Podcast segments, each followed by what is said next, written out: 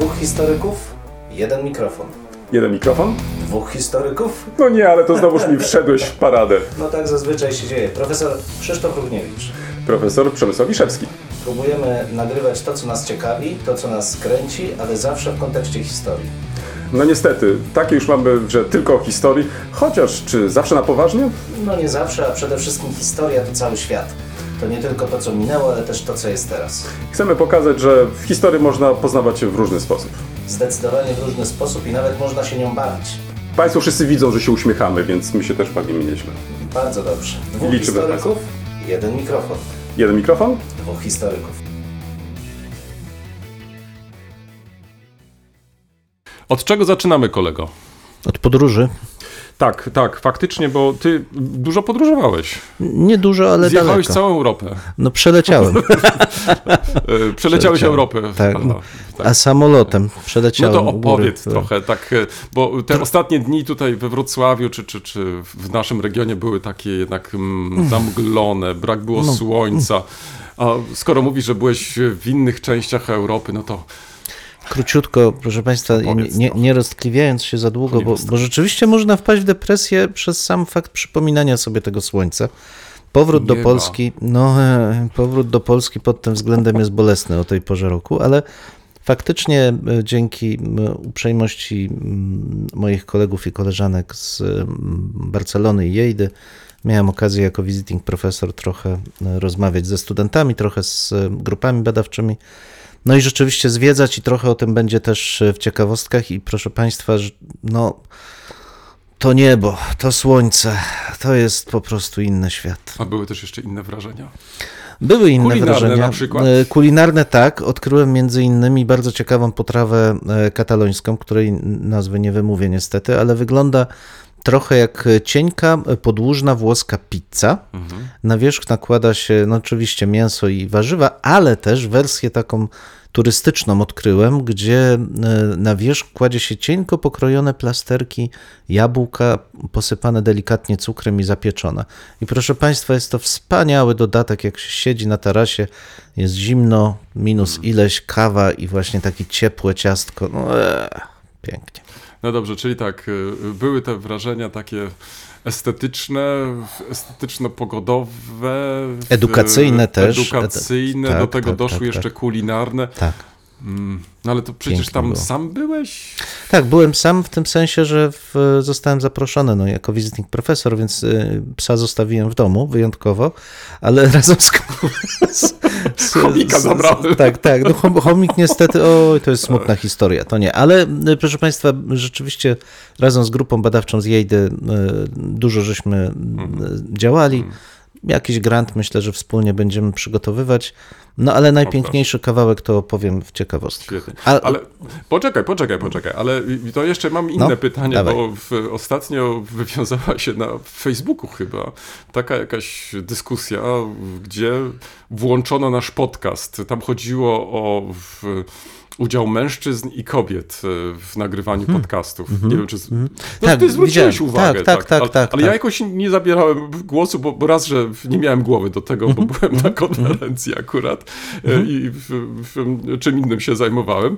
Mm, Ale o co tak naprawdę chodziło w tym? To znaczy co, mamy się przebrać teraz? Ty, ty będziesz robić za kobiety, ja za mężczyznę? Nie, nie. czy Ja, ja uważam, że nie, natomiast y, jest to echo takiego powołania takiego ciała Ach, doradczego przy prezydencie, no i, i, w związku z tym też ta akcja taka, mm, ja myślę, że jako pewne echo Mhm, po- pojawiła się, że nasze koleżanki też nagrywają podcast, czy zamierzają Mhm, nagrać podcast. Zobaczymy, czy przerodzi się to w dłuższą działalność, czy tylko jeden e, odcinek. Mocno trzymamy kciuki, ale ja zawsze stoję na stanowisku, że im więcej dobrych rzeczy, tym lepiej, a jeżeli jeszcze e, nasze koleżanki się do tego To przymierzają, może to, stwórzmy, super. słuchaj, Unię podcastów historycznych. Unię pod...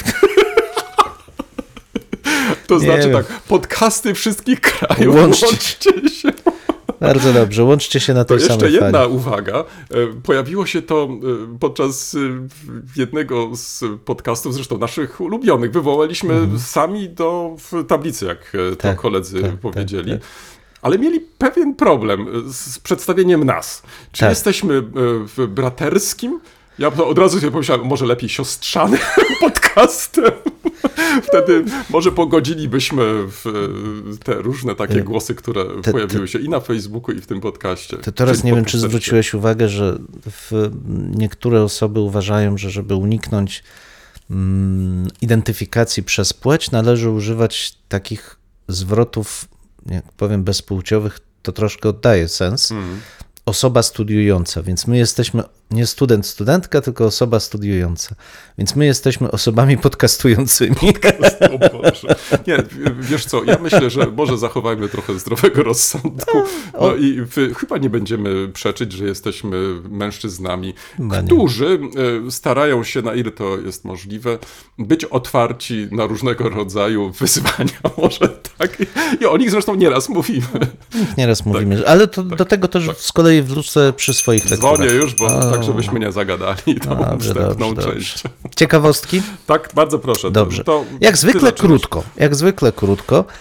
Chociaż zapowiedziałeś, że będzie długo, ale dobrze. no, Nie, w wcale nie. Nie zapowiedziałem, że będzie zobaczymy, długo. Powiedziałem, że, będzie, że, że odwołam się do swojej podróży, a przy okazji połączę to oczywiście z Aha, moim no ukochanym Dolnym Śląskim. Proszę Państwa, w trakcie tej podróży między innymi e, profesor Flossel e, Sabate zaproponował taką swoistą wycieczkę edukacyjną w Pireneje. Nie dla pięknych widoków pirenejskich, choć takie też tam były, ale żeby zwiedzić kościoły, w których zachowały się oryginalne romańskie freski.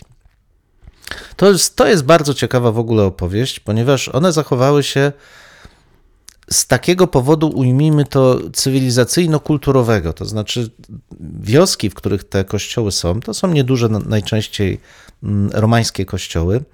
Wioski dość ubogie, z dala od takich trendów cywilizacyjno-kulturowych. Mieszkańcy i właściciele po prostu nie mieli pieniędzy, żeby zająć się zdrapywaniem starych fresków. Także dlatego, że nowe barokowe ołtarze zakryły freski, które znajdowały się w okresie romańskim i też gotyckim e, za nastawami ołtarzowymi albo za stołem, bo czasami i nastaw nie było. No i przyszedł czas, XIX wiek, kiedy nagle okazało się, że freski są cenne.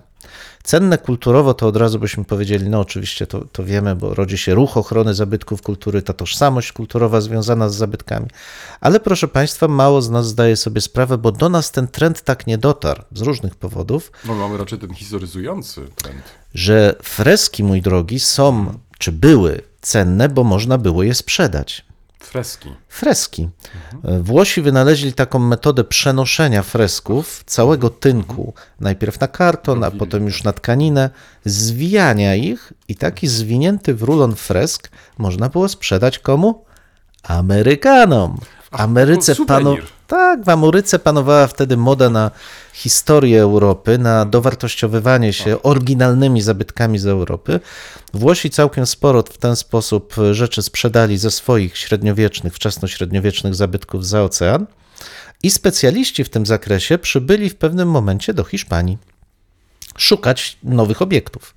Znaleźli właśnie te wspaniałe freski w wioskach pirenejskich i niemal im się udało je sprzedać Amerykanom, bo w, z różnych powodów byli pierwsi, ale w tym czasie rodziła się bardzo silna właśnie taka rewolucja wręcz kulturalna i w Hiszpanii, i w Katalonii zwłaszcza, która spowodowała, że lokalny rząd kataloński zablokował tą, e, tą transakcję. Ale mówimy jeszcze o XIX wieku? Jeszcze o XIX wieku, tak. To jest przełom XIX-XX wieku. Udało się w związku z tym y, najpierw in situ zostawić te freski, ale potem rząd kataloński, żeby mm, Zresztą to już w trakcie XX wieku, bo nawet jeszcze w latach 30. dokonywano podobnych, podobnych działań, mm, żeby ochronić te freski, postanowił je zdjąć i przenieść do Barcelony, do głównego e, Muzeum Sztuki w Barcelonie. I rzeczywiście jeszcze w latach 30. ten proceder trwał, zwłaszcza w okresie wojny domowej, żeby pod hasłem ocalenia, ocalenia zabytków od działania ikonoklastów e, republikańskich, bo ci rzeczywiście potrafili zniszczyć wszystko, co przypominało e, te tożsamościowe więzy z Kościołem katolickim. Przenoszono takie freski, zdejmowano. No ale teraz co zostaje? No zostaje ściana bądź pusta, bądź tylko z zarysami e, tych malowideł, a mis- no, mieszkańcy, którzy tam żyją, zostają pozbawieni czegoś, co posiadali. Początkowo nie budziło to zresztą u nich emocji, co wynikało z tego, że tak naprawdę tego nie było widać do tej pory. Dopiero trzeba było wejść za szafę ołtarzową, barokową, tam nikt nie zaglądał. Okej. Ale w, teraz w XX i XXI wieku takie freski zostały zidentyfikowane jako możliwość rozbudzenia zainteresowania turystów, przyciągnięcia turystów, a więc element gospodarczy. I co można z tym fantem zrobić? W niektórych kościołach część fresków udało się ocalić e, i w, w Boi, w takiej e, miejscowości znajdziemy piękne, zachowane freski, odnowione, wspaniała kolorystyka, bardzo ciekawa tematyka, szczerze polecam, ale e, te, które, o których dzisiaj chcę krótko opowiedzieć, opowiedzieć znajdują się w nieodległej wsi, w tej samej Val de Boy, dolinie, e, w miejscowości Taul. Tam mamy piękny kościół romański z taką uroczą wielopiętrową wieżą, wybudowany przez architektów lombardzkich. No, dużo by tu e, mówić, bardzo ciekawa historia, ale freski zostały zdjęte. I teraz ludność lokalna doprowadziła do tego, że powstał wielki program z środków europejskich oczywiście przywrócenia tych fresków, ale nie w takim tradycyjny sposób, w jaki to się robi, czyli namalowania ich jeszcze raz, czy stworzenia jeszcze raz, bo takie freski też w tej samej miejscowości zresztą znajdziemy w drugim kościele, czyli jest to rekonstrukcja de facto, ale w tym przypadku zastosowano zupełnie inną metodę, po to, żeby nie naruszać mimo wszystko tej substancji, już kolejny raz tej substancji em, historycznej, zastosowano najpierw mapowanie komputerowe, które pozwoliło stworzyć bardzo dokładną mapę przestrzeni kościoła, a następnie przeniesiono w sposób wirtualny te same freski w różnych stadiach ich powstawania do kościoła. I ja na swoim Facebooku, jeśli ktoś e, zechce, może zajrzeć, zamieściłem zdjęcia z tego kościoła. Proszę Państwa, to jest zapiera dech w piersiach, bardzo wyraźne, w, bardzo wyraźna kolorystyka, ale wy, nawiązująca w 100% do tego, co się zachowało. Tutaj nic nie jest, przepraszam za kolokwializm, podkręcone. Kolory są zachowane takie, jakie były w oryginale, wibrujące, natomiast z daleka nie jesteś w stanie jako obserwator powiedzieć, że to jest coś, co jest wyświetlane na murze. Absolutnie nie. Technologia jest tak zaawansowana, że wchodząc tam w pierwszym momencie byłem przekonany, że jest, są to rzeczywiście Oryginalne odnowione, ale oryginalne freski. Specjalna prezentacja po w trakcie, mm, co, co godzinę bodajże jest pokazywana, gdzie pokazuje się poszczególne etapy tych powstawania tych fresków. Kapitalna, e, kapitalna rzecz. Ja nie byłem zwolennikiem do tej pory takiego sposobu prezentowania sztuki, bo widziałem, zresztą nawet we Wrocławiu była kiedyś taka wystawa wirtualna, w Wilmana bodajże dotyczyła, ale też e, wielkich abstrakcjonistów. Ja mam zawsze taki no niedosyt, bo i kolorystyka nie jest do końca ta sama i jednak trąci to pewną sztucznością te wielkie przestrzenie, na których się wyświetla. Natomiast tam in situ wprowadzono naprawdę wysokiej jakości technologię. Jedyne zastrzeżenie, jakie mam, że jest to jednak technologia, która wymaga prądu. Znaczy, ona nie istnieje bez prądu. Tak. O ile rekonstrukcja będzie zawsze istnieć, o tyle tutaj tego, e, tego nie mamy, więc mamy tak, mam takie wahanie, co jest lepsze, czy zostawienie tych struktur historycznych i wyświetlanie na nich, czy rekonstruowanie, które wiąże się jednak znowu z naruszeniem. No nie wiem. Ale przeskakuję do Dolnego Śląska w tym momencie.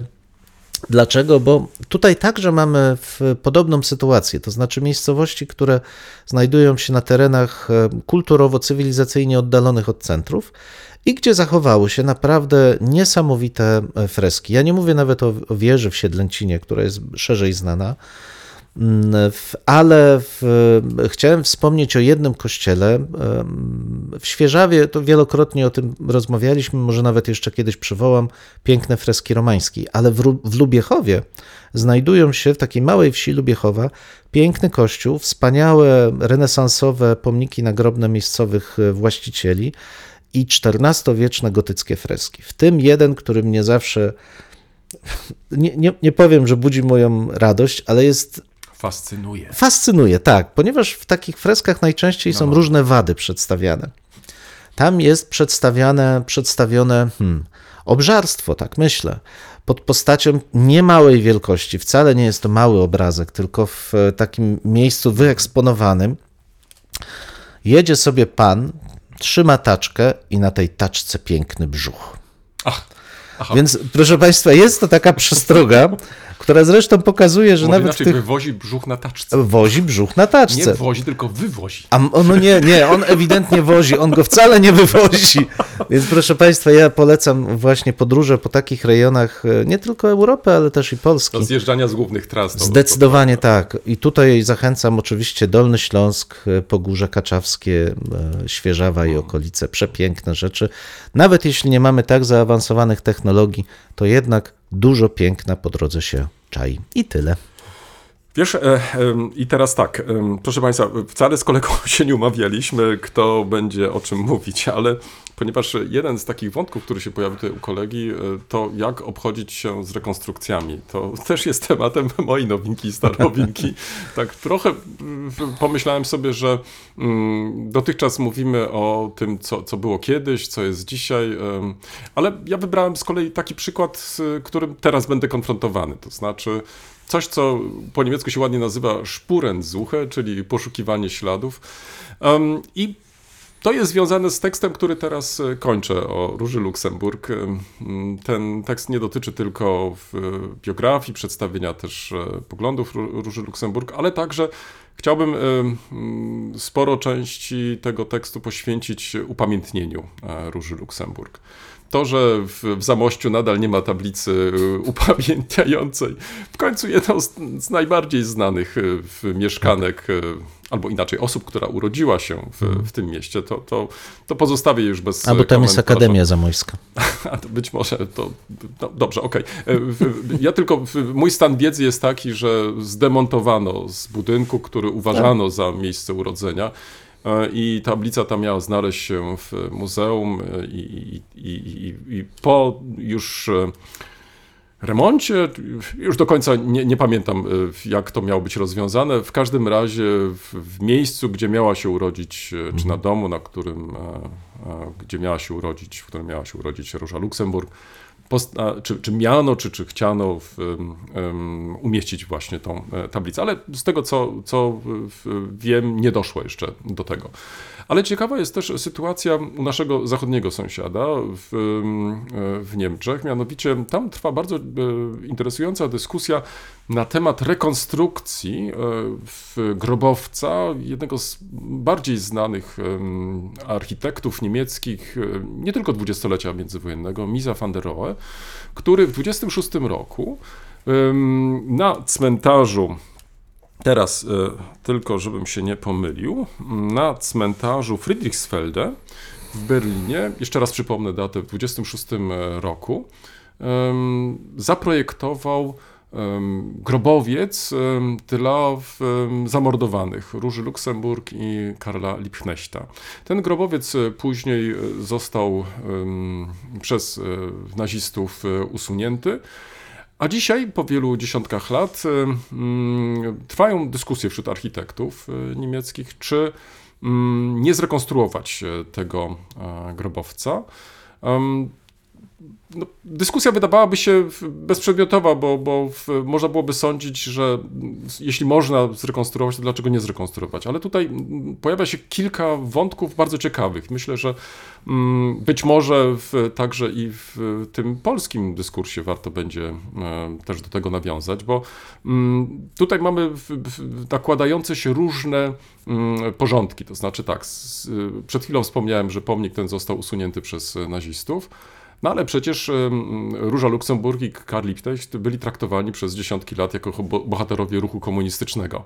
Więc rekonstrukcja takiego pomnika, który został zniszczony przez nazistów dla bohaterów ruchu komunistycznego, to budzi także pewne kontrowersje. No i pojawia się tutaj taki wątek, bym powiedział, bardziej związany już z historią sztuki i to, o czym ty przed chwilą wspomniałeś.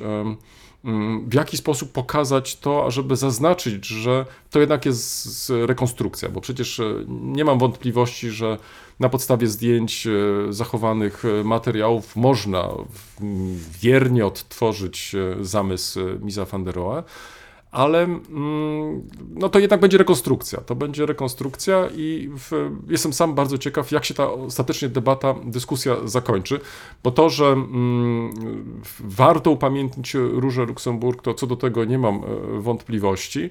I i wbrew też e, temu, co wielokrotnie słyszymy, że to była komunistka, że była przeciwko em, odzyskaniu przez Polskę niepodległości, o tym wszystkim piszę w swoim tekście, to znaczy zachęcając do tego, żeby jednak z większym dystansem, może tak trochę bez emocji podchodzić także i do tej postaci historycznej, a przede wszystkim mm, zastanowić się e, nad tym, co e, ta w, końcu znana kobieta osiągnęła, w, mm, w, jak wpłynęła na e, ruch robotniczy, a to, że do dzisiaj na Zachodzie cieszy się dużym zainteresowaniem.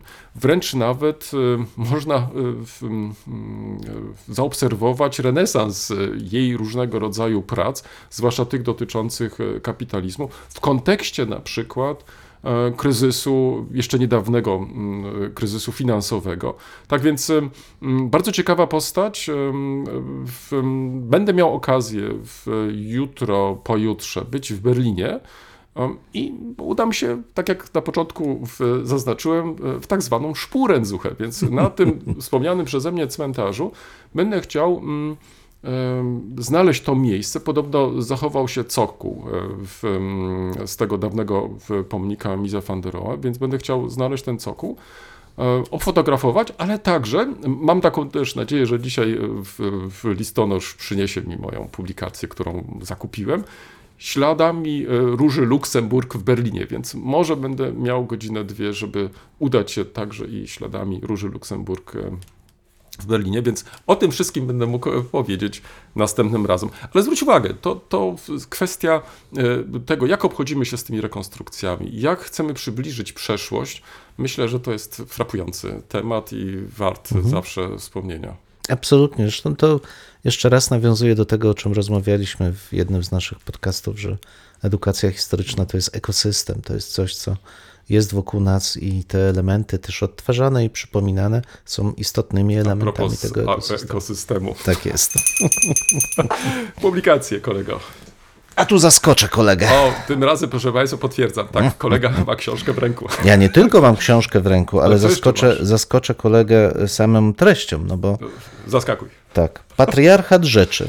Świat stworzony przez mężczyzn dla Oj mężczyzn. Boże, on sobie chyba naprawdę Rebecca wziął do serca, no, do serca tą dyskusję, która przetoczyła się ostatnio na Facebooku. Ojej. Uważaj, żeby nie wyszła z tego jędzowata książka, usłyszała Rebecca Endler od swego przyjaciela, który przeczytał pierwsze fragmenty patriarchatu rzeczy. Jędzowa. Ję, Jędzowata. Jak, jak to była? Jędzowata? Jędzowata. No, trochę wyszła jędzowata książka, ale proszę Państwa, o czym jest i dlaczego, e, dlaczego o niej rozmawiam? Bo tematyka e, historii kobiet, czy funkcjonowania kobiet w historii w zasadzie towarzyszy mi od początku mojej działalności mm, badawczej. Mm, Różne rzeczy w międzyczasie się e, wydarzyły, a ja mam wrażenie, że akurat tematyka ta dalej budzi nie, zupełnie niezrozumiałe emocje dla mnie. To znaczy jest traktowana jako coś podejrzanego, w, ewentualnie jako coś, co powinno budzić właśnie zainteresowanie, co powinno się uprawiać, co powinno być obecne i tak dalej. Dwie strony tego dyskursu e, sprawiają, że staje się on obarczony mm, dla mnie daleko idącymi emocjami o, utrudniającymi odbiór tej tematyki. Zupełnie niepotrzebnie. Absolutnie kobiety od lat, y, właściwie już z chyłku 50., a już zwłaszcza w 60. ubiegłego wieku, przygotowywały, i to trzeba szczerze powiedzieć, to kobiety zaczęły ten, e, ten ruch, przygotowywały swoje wizje historii, potem wizje historii, w których po prostu kobiety są obecne, bo jeśli weźmiemy dzisiejsze podręczniki do nauki historii, to no niestety trzeba przyznać, że kobiet często w ogóle nie ma. Świetny artykuł Jacka Wesołowskiego, jak dobrze e, pamiętam, e, zatytułowany czy w, w, śr- czy w Polsce Piastowskiej były kobiety? Bo rzeczywiście w narracjach historycznych wygląda to tak, jakby prawie ich nie było, były królowe, były zakonnice i nic więcej. Więc e, temat ten jest bardzo mi bliski, ale tutaj pod bardzo specyficznym kątem zrobiony, czy przypomniany, pod kątem designu, ale też właśnie z tym historycznym odniesieniem. To znaczy, jak to jest, że bardzo wiele elementów naszej przestrzeni publicznej, autorka twierdzi, że cała, ja nie jestem taki przekonany, ale na pewno bardzo wiele elementów przestrzeni publicznej jest zrobione dla mężczyzn. Że nie uwzględnia się specyficznych uwarunkowań biologicznych kobiet. Dlaczego tak jest? No to już odsyłam Państwa do tej, e, do tej książki, która jest naprawdę inspirująca i chyba e, uważam, że byłaby dobrym punktem wyjścia do. Bo autorka jest dziennikarką, więc ma nieco inne spojrzenie, stąd też e, ten, ten specyficzny, w cudzysłowie, jędzowaty styl, który ma pobudzać do myślenia, pobudzać do emocji, do takiej bardzo, bardzo głębokiego zaangażowania, a mi brakuje bardziej takiego głębszego historycznego spojrzenia, bo jednak ona ogranicza się do w zasadzie do XX wieku, choć y, jak w przypadku y, zresztą uwiecznionego też na okładce y, sprzętu odwołuje się do nieco wcześniejszych y, epok, pytając Co dlaczego tam, co tam jest na tej okładce? bidet jest Ach, bidet.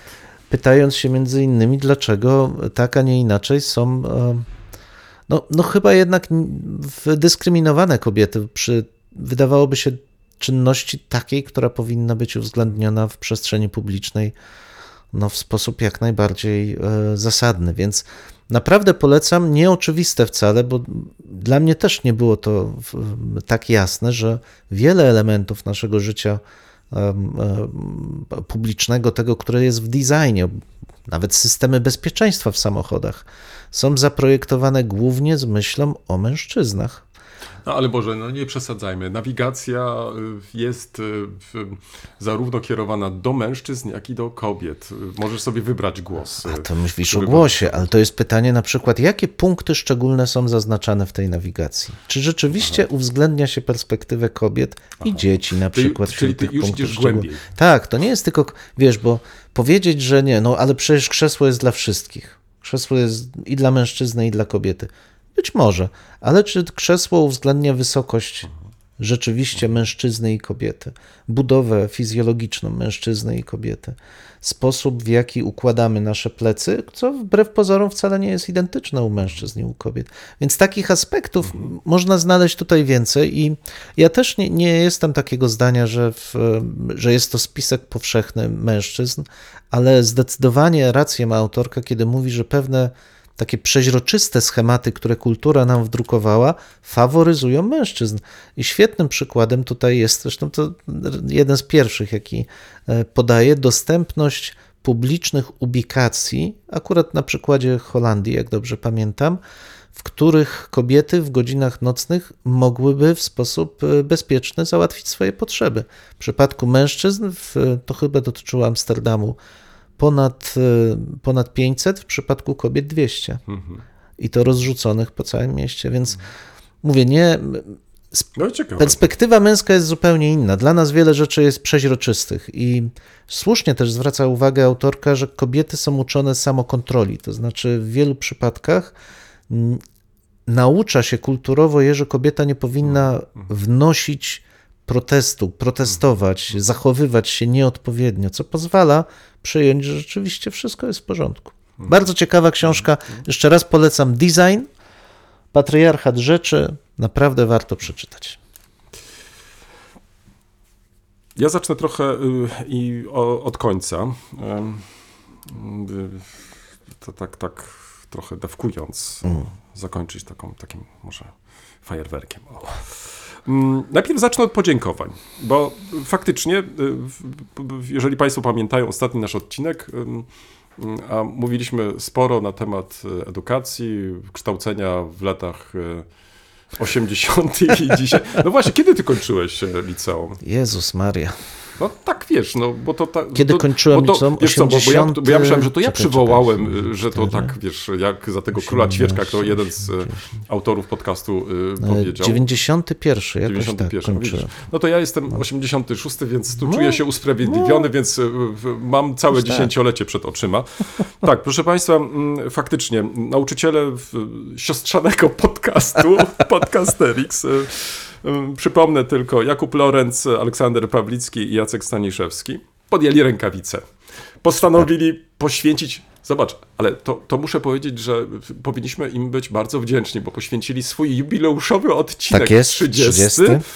żeby em, rozprawić się z naszymi rozważaniami. Tak, i to jeden z dłuższych ich odcinków. Y, Jeden z dłuższych i muszę powiedzieć, że y, odsłuchałem go dwa razy. Nawet dzisiaj odświeżyłem sobie, tak, bo pomyślałem, że no, przyma- przynajmniej sprawdź, kto mówił o czym, żeby się nie pomylić.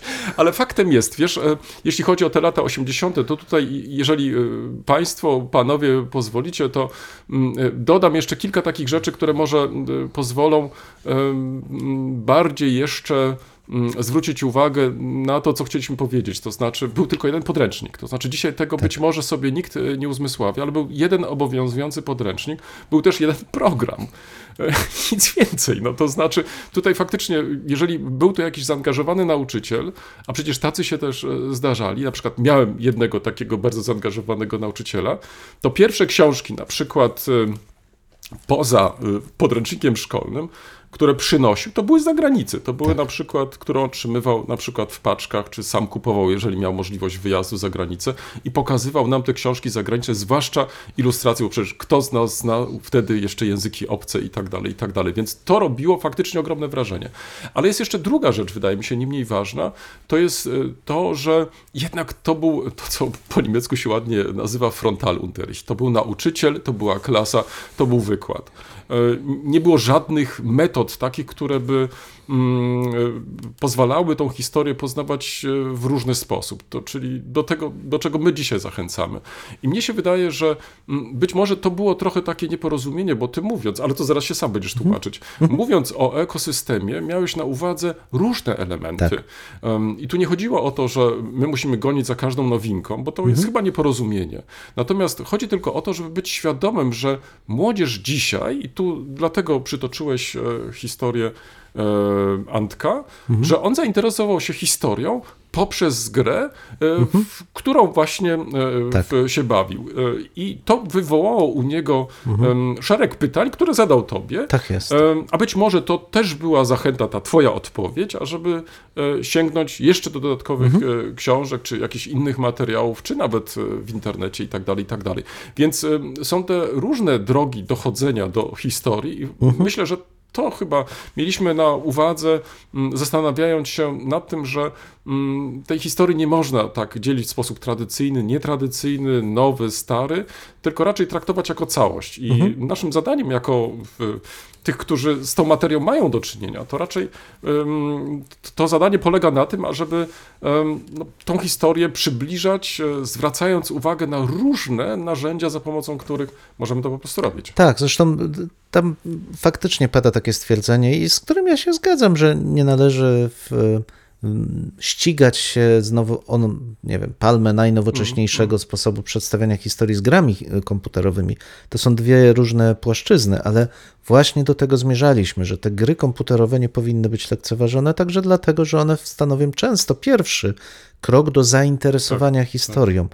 I tutaj zresztą nie, jakby nie, nie wszyscy z naszych e, kolegów e, jednakowo traktowali ten, ten, e, ten temat. E, Wskazywali także i na to, że właśnie trzeba dyskutować z teraźniejszością, nawiązywać, nawiązywać do niej. Ale ja jeszcze tutaj e, dorzucę, że w, mm, w tym edutainmencie czy w infotainmencie nie chodzi o to, żeby koniecznie wprzęgać e, mm, czy w grywalizacji wprzęgać e, gry komputerowe do nauczania historii. Tu raczej chodzi o to, żeby zastosować różne techniki nauczania, przekazywania informacji, zwracając uwagę na potrzeby młodych ludzi, często właśnie w formie gier, w trakcie zajęć, czy w formie zdobywania jakichś osiągnięć w ciągu całego mm, toku kształcenia. No, różne są e, związane z tym techniki, ale generalnie chodzi o to, żeby spojrzeć, czy chodziło nam o to, a przynajmniej mi, żeby spojrzeć na to, że historia jest wokół nas wszędzie i żeby w ten sposób zwrócić uwagę e, uczniom na to, że chcąc czy nie, oni tą historią są otoczeni. Tak. To jeszcze raz przypomnę, bo myślę, że warto nasz siostrzany podcast y, prowadzony przez Podcasterix trzech, y, rządzi. Tak, właśnie trzech nauczycieli. Jakuba Lorenza, Aleksandra Pawlickiego i Jacka Staniszewskiego. Ostatni odcinek, um, 30, um, pod tytułem Czy uczymy jak w latach 80. No i teraz przejdę może do um, zasygnalizowania różnych lektur, y, bo ta problematyka szkolna w ostatnich mm, dniach y, często mi towarzyszyła i mm, okazją czy pretekstem w- była moja obecność podczas y, obrad Komisji Podręcznikowej, ale teraz uważaj, em, niemiecko-czeskiej, nie polsko-niemieckiej, tylko niemiecko-czeskiej. I muszę ci powiedzieć, że było to dla mnie bardzo ciekawe doświadczenie, ponieważ e, Raz, że temat mnie zainteresował, tu chodziło o obecność e, historii w przestrzeni publicznej i zrobiono to na dwóch przykładach, e, albo dwóch kompleksach. E, Jeden kompleks to były muzea, a drugi kompleks to pomniki. Ale to, co mnie szczególnie też zainteresowało, to w jaki sposób nauczyciele realizują konkretne projekty z zakresu e, historii, e, w, czy obecności historii w przestrzeni publicznej, ale mm, e, nie robią tego tylko w ramach swoich prac szkolnych, tylko we współpracy z innymi szkołami. I to było dla mnie bardzo ciekawe doświadczenie, ponieważ okazuje się, że często nie zdajemy sobie z tego sprawy, jak dużo się robi w tym zakresie. Mm, Ja w ogóle nawet nie wiem, czy jest jakiś wykaz e, tych różnych inicjatyw. Mm, Przynajmniej e, uczestnicy tej konferencji przekonywali, że mm, tych inicjatyw jest sporo, że, że e, natrafiają na różnego rodzaju trudności, także w samych szkołach, bo to, że są nauczyciele aktywni, to co do tego nie musimy się tutaj przekonywać, ale nie zawsze ci aktywni nauczyciele spotykają się z z aprobatą na przykład swoich władz szkolnych, że na przykład będą robić to czy tamto.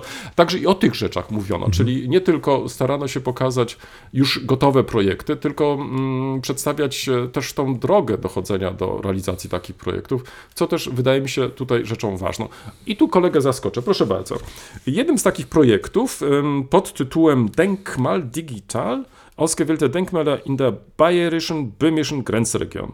Czyli to jest tak, mm, pomyśl, ale wiesz, ale to wiesz, to było tak w tym sensie denkmal, to jest, to, wiesz, to jest, widzisz, to jest pomyśl, Pomnik. prawda, czyli po, pom, pomnij, prawda, pomnij, Pomnij. pomnij, wiesz, no po polsku to jednak nie, Nie brzmi, ale tutaj no, ta no, gra no. słów faktycznie, czyli cyfrowo, no tak, i tutaj e, wybrane pomniki e, na, e, w, w regionie przygranicznym bawarsko-czeskim. Proszę bardzo, koledze przekazuję mapę, ponieważ wzdłuż pogranicza, o którym przed chwilą wspomniałem, przygotowano wykaz e, tych pomników i opisano je. Oczywiście e, zrobiono to w sposób e, bardzo taki przystępny. Oprócz tego każda, każde z tych miejsc jest e, dodatkowo zaznaczone kodem QR, więc każdy bez większych problemów może odnaleźć także te miejsca w internecie i e, w, przeczytać Są w QR większą- kody też. QR, właśnie o tym mówię teraz, e, czyli e, znaleźć dodatkowe e, informacje, czyli nie tylko ta podstawowa informacja, którą znajdujesz na mapie. Oczywiście mapa ma to do siebie, że ma jednak ograniczone miejsce, natomiast internet tutaj faktycznie umożliwia e, pełniejszą informację. I od razu pomyślałem sobie o tym, wiesz. Nie wiem, czy zwróciłeś uwagę, ale e, w naszym centrum utworzono teraz nową pracownię, która ma zajmować się e, przymusowymi migracjami. I kiedy e, słuchałem wystąpienia dotyczącego tego projektu, ale także przeglądałem, się, przyglądałem się bliżej tej mapie, zastanawiałem się, czy nie warto byłoby tego zrobić na przykład dla pogranicza polsko-niemieckiego. Oczywiście zrobienie takiej mapy dla jednej osoby to jest po prostu niewykonalne. Może warto byłoby zacząć może od e, takiego krótszego odcinka, na przykład mając na uwadze współpracę na przykład naszego e, regionu, myślę tutaj w Dolnego Śląska z, w, z krajem związkowym Saksonia, to może warto byłoby zacząć na przykład od tego pogranicza dolnośląsko-saksońskiego i przygotować na przykład e, taką mapę. Myślę, że byłoby to chyba całkiem fajne zadanie. I proszę Państwa, kolega już dostał mapę, ale mam jedną mapę dla Państwa. Więc e, chętnie tą mapę przekażę, jeżeli ten projekt Państwa zainteresował. Zaznaczę, że mapa jest dwujęzyczna po niemiecku i po czesku. Mm, Ale nie oddam tej mapy za darmo. No i po prostu połączę to z małym konkursem. Ale uproszczę trochę, to znaczy, ponieważ, e, tak jak wspomniałem, uczestniczyłem w posiedzeniu komisji podręcznikowej niemiecko-czeskiej, em, to podczas mm, tego mm, posiedzenia mówiono o trzech muzeach, które powstały w ostatnich dwóch, trzech latach. O jakie muzea chodzi? e, które zajmują się w, w przymusowymi migracjami. E, Polsko, nie, może nie tyle polsko, może nie. E, Czesko, w, w niemieckie muzea, e, tak, ale ewentualnie jedno polskie, mogę też ewentualnie włączyć, które nie było wymienione, ale to proszę się też nie dziwić, to w końcu chodziło o komisję podręcznikową niemiecko-czeską, a myślę, że na przykład to muzeum spokojnie można byłoby także dołączyć do tego wykazu muzeów, które były przedstawione, więc albo Państwo już od razu wiedzą i napiszą maila do mnie czy do kolegi, albo sprawdzą program konferencji. Nie powiem, gdzie go można znaleźć, a można go bez problemu znaleźć w internecie i wtedy będą mogli mm, e, otrzymać ode mnie właśnie tą mapę, a e, myślę, że warto chyba. No tak, tak sobie, Bardzo ładna jest, Prawda? Tak, polecam. tak, trochę, trochę się wysiedzieć i, Tak, i, i odpowiedzieć. pachnie ładnym papierem. Tak. I teraz, y, kolego, już tylko taki kurzgalopek zrobię. Mm, mianowicie, po wielu, wielu latach, to już mówię, po wielu, wielu latach, w końcu mam w rękach książkę, której, którą szukałem po prostu. To jest szóste wydanie, mm, poświęcone mm, zanikniętym, albo inaczej, verschwundene, czyli wiesz, e, jakby to tłumaczyć, wiesz, ten e, em, em, kraj sudecki, czyli, czyli Wymazany, wymazane, może. może. właśnie będzie to, może właśnie Nie jest to tak, dosłowne, nie jest to, ale- ale wymazany kraj Tak, sudecki. tak, tak. E, Jest to publikacja, która, zwróć uwagę, ukazała się przed 20 lat. I wtedy faktycznie była to e, publikacja, która zapoczątkowała w ogóle dyskusję w, e, ponowną w, w, w Czechosłowacji, później w Czechach była kontynuowana, nad tym, jak obchodzą się Czesi e, z e, tym, e, m, można powiedzieć, e, doświadczeniem po niemieckim. I co zrobiono? Mianowicie stworzono wykaz miejscowości kraju sudeckiego i zestawiono te miejscowości, które istniały przed 1945 rokiem i, pokazano stan obecny przed 20 laty. I tak jak wspomniałem, książka ta cieszyła się bardzo dużym zainteresowaniem. Mam w rękach szóste wydanie. Wydawcą jest Antykompleks, bardzo znana organizacja, która zajmuje się tą problematyką Niemców i losów Niemców e, w kraju e, sudeckim. Mm, Wiem, że e, jest pomysł, mimo tego szóstego wydania, ażeby pójść krok dalej. To znaczy, żeby potraktować e, książkę, którą dzisiaj mam w rękach, e, także jako źródło historyczne i raz jeszcze udać się do tych samych miejsc i zobaczyć, co się dzisiaj z nimi dzieje. Zwróć uwagę, to znaczy mamy takie ładne zestawienie tego, co się działo przed wojną, z tym, co się działo w latach 90., no i tym ewentualnie, co się dzieje dzisiaj. Jak się okazuje, e, bardzo duże zmiany zaszły. To znaczy, to nie jest tak, że, że w tych miejscowościach nic się nie dzieje. E, Wręcz e, jeden z moich kolegów, współautorów tej publikacji zaznaczył, że życzyłby sobie, żeby się mniej działo. Być może Ciągle to, trzeba poprawiać, być ciągle nie, trzeba Być poprawiać. może polega to na tym, że, że niektóre miejsca są po prostu przez turystów zajechane, wiesz, bo, bo stały tak, się tak może ciekawe, interesujące. No każdy chce zobaczyć, no jak to kiedyś wyglądało. No i, i, i- może miejscowi w, w mieszkańcy już mają dosyć tych turystów, którzy im zaglądają do każdego podwórka, do każdej studni, czy ewentualnie wchodzą do domów. No więc e, potrafię to jak najbardziej zrozumieć, ale polecam tą książkę z Mizele Sudety. Ja nie wiem, czy to poprawnie wymawiam, ale w każdym razie po niemiecku mm, Das verschwundene Sudetenland. Kolewtyk autorski, szóste wydanie. Polecam gorąco. Jak to przetłumaczyliśmy? Wymazane, ale Wymazana. musimy się zastanowić. Albo nad- utracone. utracone. Albo utracone, widzisz. Ale, Ale utracone to ale znowu to, nie, już się robi nie, takie tak, to już- nacjonalistyczne, tak, to nie? się- tak. No i ostatnia, y, kolego, y, propozycja y, taka, o której y, myślę, że będziemy dyskutować nieraz. I coś, co może stać się przejściem bardzo fajnym do naszego głównego mm, tematu. Mianowicie mm, otrzymałem także podczas tej konferencji, i, to bardzo dziękuję, Nachbarn ein österreichisch-tschechisches Geschichtsbuch. Otóż e, sąsiedzi, e, austriacko-czeska, czeski podręcznik do historii. Czyli to nie jest podręcznik regularny do historii, tylko to jest raczej materiał uzupełniający, lub też inaczej, jest to zbiór tekstów dotyczących e, relacji austriacko-czeskich, ale do tej publikacji są także scenariusze lekcji. Tak więc e, tutaj e, można potraktować ten materiał też e, jako coś, co może się bardzo przydać w szkole i w praktyce szkolnej, jeśli na przykład interesuje nas to sąsiedztwo austriacko-czeskie. Książka ukazała się po niemiecku i po czesku. Ja mam niemieckie wydanie. I muszę przyznać, zresztą sam widzisz, że jest to opus. Tak, jest imponujący. Tak, I, Jest i, i imponujące. to jest tak. I w, em, zwróć uwagę, że mm, punkt ciężkości e, tutaj mm, położono na XIX i XX wiek. Zresztą chyba nie ma się co e, w, tutaj dziwić. Em, Autorami są e, czescy i austriaccy autorzy. Wiesz co, to tak brzy- dziwnie brzmi, nie? Czescy i austriaccy autorzy. Chciałem powiedzieć czescy i niemieccy, ale to chyba nie do końca było No nie, tak. nie, nie, Nie, nie, to muszę, to muszę powiedzieć czes, cze, cze, cze, em, Z monarchii czescy- habsburskiej. Czescy i, e, i Austriacy. O, tak. Ale wiesz, jest jed, jeden, jeden ewentualnie taki, taka rzecz, nad którą bym się tutaj zastanowił. To znaczy, wiesz, bo ja nie wiem, czy przypominasz sobie historię Górnego Śląska. Ukazała się przed kilku Tak, laty. tak, oczywiście. Bardzo podobna, Balkę- bardzo balkę podobny tam. projekt, tak, tak, tak, bardzo i profesor Kaczmarek, bardzo podobna publikacja, ale mm, muszę ci powiedzieć, że jeszcze nie znając dokładnie tego podręcznika do relacji austriacko-czeskich, em, wydawcy i autorzy wspomnianej przeze mnie historii Górnego Śląska poszli krok dalej.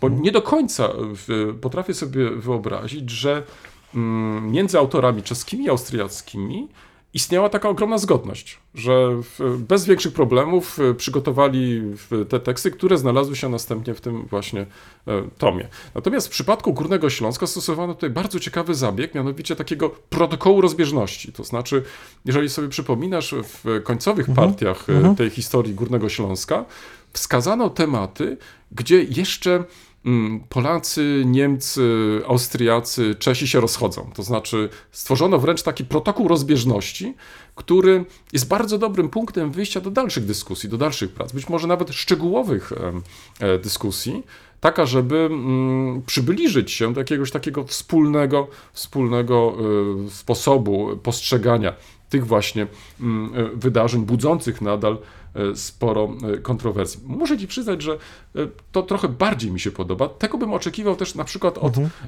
takiego podręcznika, bo em, jeszcze tak jak wspomniałem, e, no nie do końca jestem pewien, czy także i w relacjach e, czesko-austriackich e, nie ma tutaj różnych sposobów patrzenia, różnych podejść. I myślę, że zaznaczenie tego właśnie w takim podręczniku do historii byłoby chyba dla czytelnika, dla użytkownika tego mm, materiału, no bardzo chyba dobre. I, i w, em, równocześnie em, może też to czasami ta krytyka, która spotyka tego rodzaju rozwiązania wspólne, opracowania, wspólne podręczniki, może byłaby mniejsza, gdyby właśnie takie protokoły się pokazywały, bo to po- pokazywało, że tak jak to czasami właśnie ci krytycy podkreślają, że coś zamieciono za, e, pod dywan, albo ewentualnie, że jakaś strona wymusiła takie czy inne rozwiązania. To jest wszystko oczywiście bzdura, bo to nie o to chodzi. E, Nie na tym polega też e, wspólna praca, wspólna dyskusja. Ale być może właśnie zastosowanie i taka odwaga do zastosowania tego protokołu rozbieżności to nie pokazywałaby, że są jakieś niedomagania, że, że e, nie jesteśmy w stanie na przykład tego czy tamtego y, wspólnie coś zrobić, tylko wręcz odwrotnie pozwoliłaby nam, którzy sięgają po ten materiał, em, no, samemu też się zastanowić, dlaczego tak jest, a nie inaczej, a być może podjąć szczegółowe studia, które pozwoliłyby na przykład y, na, em, na bardziej pogłębione e, wyniki i tak dalej, i tak dalej. Czy wiesz, o, o tyle nie, nie do końca jestem przekonany do tego, że mając za sobą doświadczenia wspólnego pisania tej naszej historii polsko-niemieckiej naprawdę nie mieliśmy takich problemów. To znaczy, to, wydaje mi się, że dużo tu oczywiście zależy od okresu, bo wyobrażam sobie, że dla historii XX czy XIX wieku to dużo szybciej takie nieprzekraczalne bariery mogą się pojawić i rozbieżności. Natomiast ja nie, nie mielibyśmy chyba za bardzo co wpisać te, z Norbertem w tej naszej książce. Ale wracając jeszcze do tego podręcznika, czy przepraszam, do tego opracowania, ono wyraźnie różni się też od e, przywołanej historii Górnego Śląska i tym, że e, skoncentrowana jest wokół idei państwa i narodu. I w związku z tym cała historia średniowieczna i nowożytna Nie, tak wypadło. to jest 14 stron nagle. tak, tak, I, i, rze- I rzeczywiście, tu nawet na samym początku mamy e, kategorię des Vergleichs Nation und Staat. Mhm. Czyli to są te zasadnicze osie, wokół których p- Mhm. Państwo, panowie, czy autorzy w zasadzie się, choć tu chyba Tak, bo są, tych je- autorów jest, jest, pani, pani jest Hildegarda, dużo, tak. się poruszają. Nie budzi to mojej głębokiej sympatii, ale rozumiem, że jest to też właśnie wynik tego mm, specyficznego szukania przestrzeni jednak konfliktu. To znaczy tam, gdzie i zdaniem autorów najwięcej było austriacko-czeskich problemów, no to właśnie w okresie nowożytnym i najnowszym. Chociaż jako średniowiecznik powiedziałbym, że nie do końca to prawda, bo i królowie czescy starali się zająć Austrię i Habsburgowie starali się zająć No, ale wiesz, to jest być może pytanie jeszcze inne, bo y, rozumiem, że autorom, nie chcę mówić za autorów, ale, Mhm. ale być może chodziło o to, żeby przygotować y, taki podręcznik, który będzie odpowiadać na współczesne pytania, które. y, No ale to znowu, to jest, to jest ta pułapka, to jest ta pułapka, No, którą y, pamiętamy jeszcze z lat ale tu 70. chodzi i też o pewien- 80. pewien czas, Tylko słuchaj, kiedy- historia najnowsza, Nie, nie, no po dobrze, ja cię 45. rozumiem, ale bla, bla, Od czego trzeba zacząć? Zwróć uwagę, być może to jest dobry punkt wyjścia do, do kolejnych e, dyskusji, do kolejnych prac, które e, być może powstaną w przyszłości. No. Być może, a być może dostaniemy taki właśnie e, ogryzek, gdzie będzie się wydawało, że cała historia po 45 się wydarzyła. Nie, nie, nie, to, to żeby nie było niejasności, to chodzi o XIX-XX wiek, także. Tak, tak, tak. Ale też XIX wiek jest tutaj potraktowany bardzo ogólnie, ale już zostawmy. Tak, y, to y, teraz tak, y, tematem już chyba wszyscy wiedzą, jest, tak? Czyli pisanie podręczników e, Tak. E, ponadnarodowych. Ponadnarodowych. I ja przyniosłem tutaj podręcznik, który przyznaję budzi moją dużą sympatię. To znaczy w, jest to... To dlatego, że jest tam taka dziewczynka, która. Nie, bo ta dziewczynka się męczy, ona tu pracuje. Ona pracuje, tak, ale, ładny, ale to jest ładny, ładny obraz. Bardzo ładny obraz, ale chodzi o w, podręcznik Europa unsere Geschichte, Tak, czyli Europa, nasza historia. nasza historia, wydana przez Eduversum i nasz E, SIP. e, i tak, wydawnictwo szkolne i pedagogiczne. Wydawnictwo szkolne i pedagogiczne. Autorzy polsko-niemiecki zespół, choć przyznaję, że dominują tutaj chyba jednak autorzy niemieccy, jeśli chodzi o liczbę przynajmniej. Ale samo spojrzenie dla mnie jest w dziesiątkę. To znaczy, jeśli już mamy zacieśniać to spojrzenie mm, na historię, to moim zdaniem nie powinna to być historia narodowa, tylko historia europejska. I w, rozumiem, że, że, że tu perspektywa polsko-niemiecka mogła się szczególnie pojawić, ale kiedy przeglądałem ten podręcznik, a wiek XIX, bo to jest akurat tą trzeci Tak, wiek trzeci, tak, XIX, XIX. jest dla mnie kluczowy w ogóle dla współczesnej nam historii. W wieku XIX wydarzyło się wszystko, czym żyjemy w tej chwili. I kurczę, tu to wszystko jest. To znaczy, to jest, jest to sposób przedstawiania problemów europejskich, które rzutują potem na problemy, problemy państwowe, narodowe, regionalne, w- każdym dowolnym, w każdej dowolnej perspektywie. I w naszym siostrzanym e, podcaście pada takie m, stwierdzenie... Będziemy używać siostrzany. Nie będziemy braterskim, Nie, tylko trzeba iść naprzeciw, tak. tak. Pada e, takie ok- określenie, że w edukacji traktuje się historię jako przedmiot tożsamościowy. Tożsamościowy, ja na to też zwróciłem uwagę, tak. Ja wiem, ja wiem, ale mnie to zmraża zawsze. No bo próbuję sobie wyobrazić geografię tożsamościową, aczkolwiek mnie chyba nawet takiej uczono trochę, gdzie jednak 60-70% zajęć dotyczy geografii Polski, a tam dalej już o, o w Ameryce Południowej to w ogóle w zasadzie nie ma co mówić. Liczy się to, co jest w Polsce. To oczywiście ma jakieś swoje uzasadnienie, że uczymy się tego, co jest najbliżej nas, żeby się tutaj znaleźć, ale no kurczę, czasy się zmieniły. To znaczy, w, nie wyobrażam sobie, żeby dzisiaj podobnie uczyć geografii i uważać, że to jest dobre. Ponieważ po pierwsze, nie tylko przemieszczamy się, ale świat stał się coraz bardziej powiązany ze sobą. I ci młodzi ludzie, jeśli nie będą mieli wiedzy o tym, co dzieje się i jak ukształtowane są, nie wiem, dobra naturalne, krajobraz, ekosystem Ameryki Południowej, Australii i Afryki, to nie będą potrafili zrozumieć wielu elementów dyskusji, jaka wokół nich się toczy, chociażby dotyczące zmian klimatycznych i konsekwencji politycznych z tym związanych. I podobnie jest z historią. Jeżeli traktujemy historię i nauczanie historii jako przedmiot tożsamościowy, tylko, tylko czy też aż, to już niech każdy sam zinterpretuje, narodowy bądź państwowy, to przepraszam, ale moim zdaniem okaleczamy tych młodych ludzi. Tak, oni nie będą w stanie zrozumieć wielu dyskusji i konsekwencji politycznych decyzji podejmowanych wokół. Ale wiesz, ale może myślę, że nie ty, ale, ale być może nasi słuchacze trochę oczekują, żebyśmy uporządkowali e, te, te rzeczy, o których teraz rozmawiamy, bo e, tak od razu wszedłeś w ten podręcznik polsko-niemiecki, e, opracowany przez polskich i niemieckich e, e, autorów. Podręcznik regularny do nauczania historii, to trzeba też e, Tak, podkreślić. Także tak, to nie tak, są tak. jakieś materiały do stosunków polsko-niemieckich, tylko to jest regularny podręcznik do mm, historii opracowany przez, czy pod auspicjami Komisji Podręcznikowej Mhm. Polsko-Niemieckiej.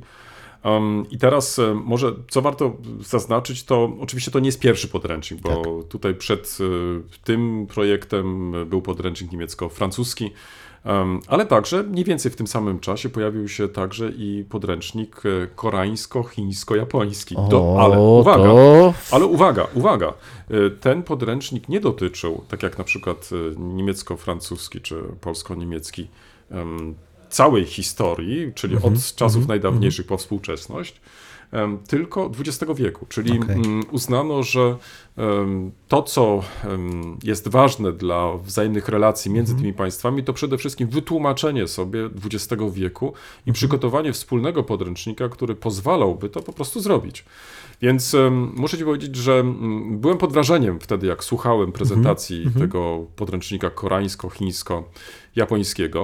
Em, Później się pojawił podręcznik niemiecko-francuski. Tutaj jest pewna też zmiana, jeżeli chodzi o sposób patrzenia na historię, bo, ale to wynika raczej z, z pewnej specyfiki francuskiej, to znaczy tam nie tylko masz historię, ale to jest to, co bardziej tobie odpowiada, także i geografię. Tak jest. Ponieważ to są te dwa przedmioty, które są połączone i dlatego w podręczniku niemiecko-francuskim masz e, większy udział także geografii w e, tym właśnie podręczniku. Nasz podręcznik polsko-niemiecki już nie ma e, takiego uzupełnienia, chociaż trzeba przyznać, że mm, w przypadku polsko-niemieckiego jest to podręcznik tłumaczony jeden do jednego. Em, Natomiast w przypadku polskim wydawnictwo, widząc jakie trudności natrafiało dopuszczenie do użytku szkolnego m, tego podręcznika w Polsce, przygotowało e, dodatkowe materiały, można wręcz nawet powiedzieć, dodatkowe Zmieniło tak podręczniki. Tak, tak. do tego głównego podręcznika, ka- tak ażeby ten podręcznik ostatecznie został dopuszczony. Ale jak wiemy, czwarta część jeszcze nie jest Tak dopuszczona. I to, co, o czym ty teraz przed chwilą mówiłeś, czyli o mm, tej ogromnej wartości, że poznajemy coś bardziej ogólnego, coś, co może trochę inaczej e, zadziałać na naszą tożsamość. To znaczy, że, że możemy na historię spojrzeć z różnych perspektyw, ta wieloperspektywiczność historii możemy raz się zajmować narodową, raz państwową, innym razem obywatelską na przykład historią. To wszystko w tym podręczniku znajdziesz. To praktycznie jesteśmy w sytuacji takiej, że e, podręcznik ten może być e, wykorzystywany przez nauczycieli, ale czy jest? No, to jest inne pytanie. No, Jeżeli na właśnie. przykład em, brak jest tego atestu ostatecznie może dopuszczającego do użytku szkolnego. Em, Przy czym tutaj może od razu warto zaznaczyć, że podręcznik ten w Niemczech cieszy się sporym zainteresowaniem. Ostatnio na przykład em, kraj związkowy Mecklenburgia, przednie Pomorze, zakupił 4000, wyobraź sobie, 4000 zestawów em, tego właśnie podręcznika, ażeby mm, uczniowie mogli z niego e, korzystać. I wydaje mi się, że e, to pokazuje też e, z jednej strony to zainteresowanie, z drugiej strony no, w, to, co byśmy nazwali zmarnowaną trochę szansą po w naszej stronie, kiedy mamy do czynienia z zespołem uznanych autorów, którzy przygotowują wspólnie ten właśnie podręcznik. I zamiast um, wesprzeć w jakiś sposób implementację tego podręcznika, myślę tutaj o polskiej e, szkole, do polskiej praktyki szkolnej, no po prostu rzuca mu się e, dalej kłody. No i uważam, że to, to, to jest po prostu niezrozumiałe dla mnie.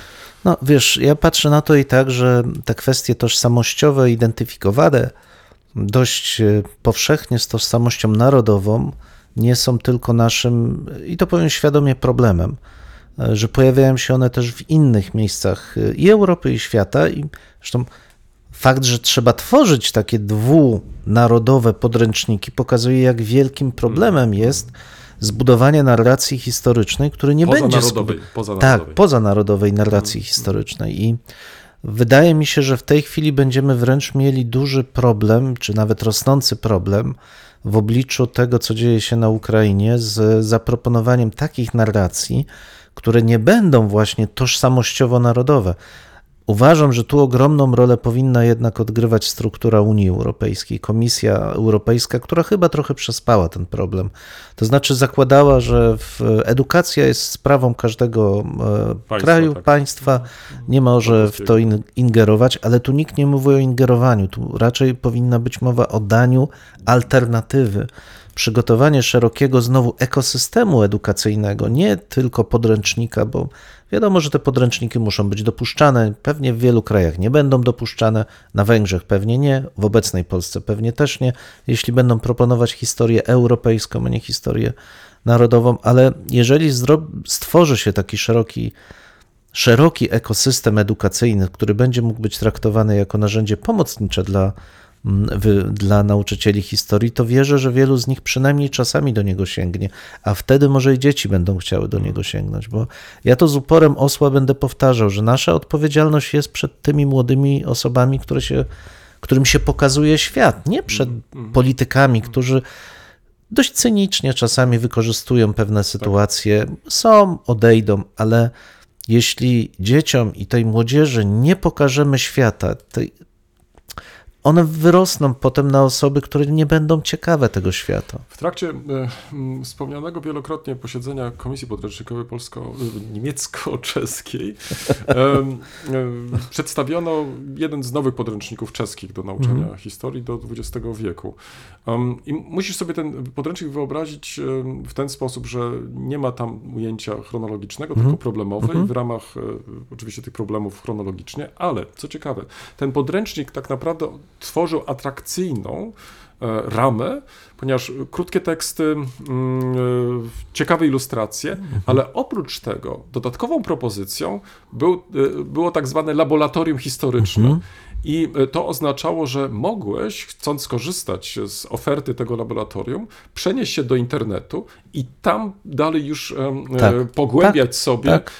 E, takie czy inne mhm. tematy. Słuchaj, strasznie mi się to spodobało. Tak to jest. znaczy, podręcznik w tym kontekście dalej odgrywa ważną rolę, bo tu cały czas padają Oczywiście. też zarzuty, że nikt nie używa już podręcznika, że po co w ogóle mhm. dyskutujemy o podręcznikach i tak dalej, i tak dalej. Ale, Ale w tym prawda. przypadku mamy do czynienia z atrakcyjną formą prezentacji takiego podręcznika, który nie jest przyładowany. Jakbyś zobaczył mhm. XX wiek, wierz mi, to nie, było, nie była dominacja tekstu, tylko krótkie teksty, krótkie informacje, krótkie pytania, e, ciekawe ilustracje i przeniesienie później, to co jest atrakcyjne dla młodych ludzi, mhm. przeniesienie do internetu e, dalszych e, etapów poznawania takiego czy innego tematu, czy pracy z takim czy innym tematem. Muszę ci powiedzieć, że to bardzo mi się podoba. Tak, no wiesz, to ja też uważam, że podręcznik nie, powi nie powinien być e, zasadniczym elementem nauczania, ale podręcznik jest potrzebny, ponieważ on porządkuje, jest taką kotwicą, do której też można się zawsze odwołać. Dla, mhm. Zwłaszcza, że pamiętajmy, że my trochę mówimy z perspektywy dużych miast, gdzie internet jest dość oczywisty i powszechny, ale nie wszędzie tak jest. Wykluczenie cyfrowe mimo wszystko jest pewnym elementem funkcjonującym dalej w Polsce. Natomiast ja chciałem jeszcze tylko wrócić raz, bo czas nam ucieka oczywiście, ale do, do tych e, podręczników wielonarodowych, dwunarodowych, mm, trzech. One mają też tą świetną zaletę, że pozwalają wyrwać z oczywistości. To znaczy dla czytelnika, dla ucznia, który jest przyzwyczajony do pewnej, przepraszam, papki informacyjnej, którą mu się sączy w jego narodowym kontekście kulturowym, nagle zderzenie z innym spojrzeniem, z inną prezentacją może być takim świetnym impulsem właśnie do dyskusji. Pamiętasz, nie wiem, po 89 pojawiły się takie głosy, a historia nie jest ważna, bo znowu mówią nam coś innego niż mówili wcześniej, pewnie potem znowu zmienią punkt widzenia i tak dalej.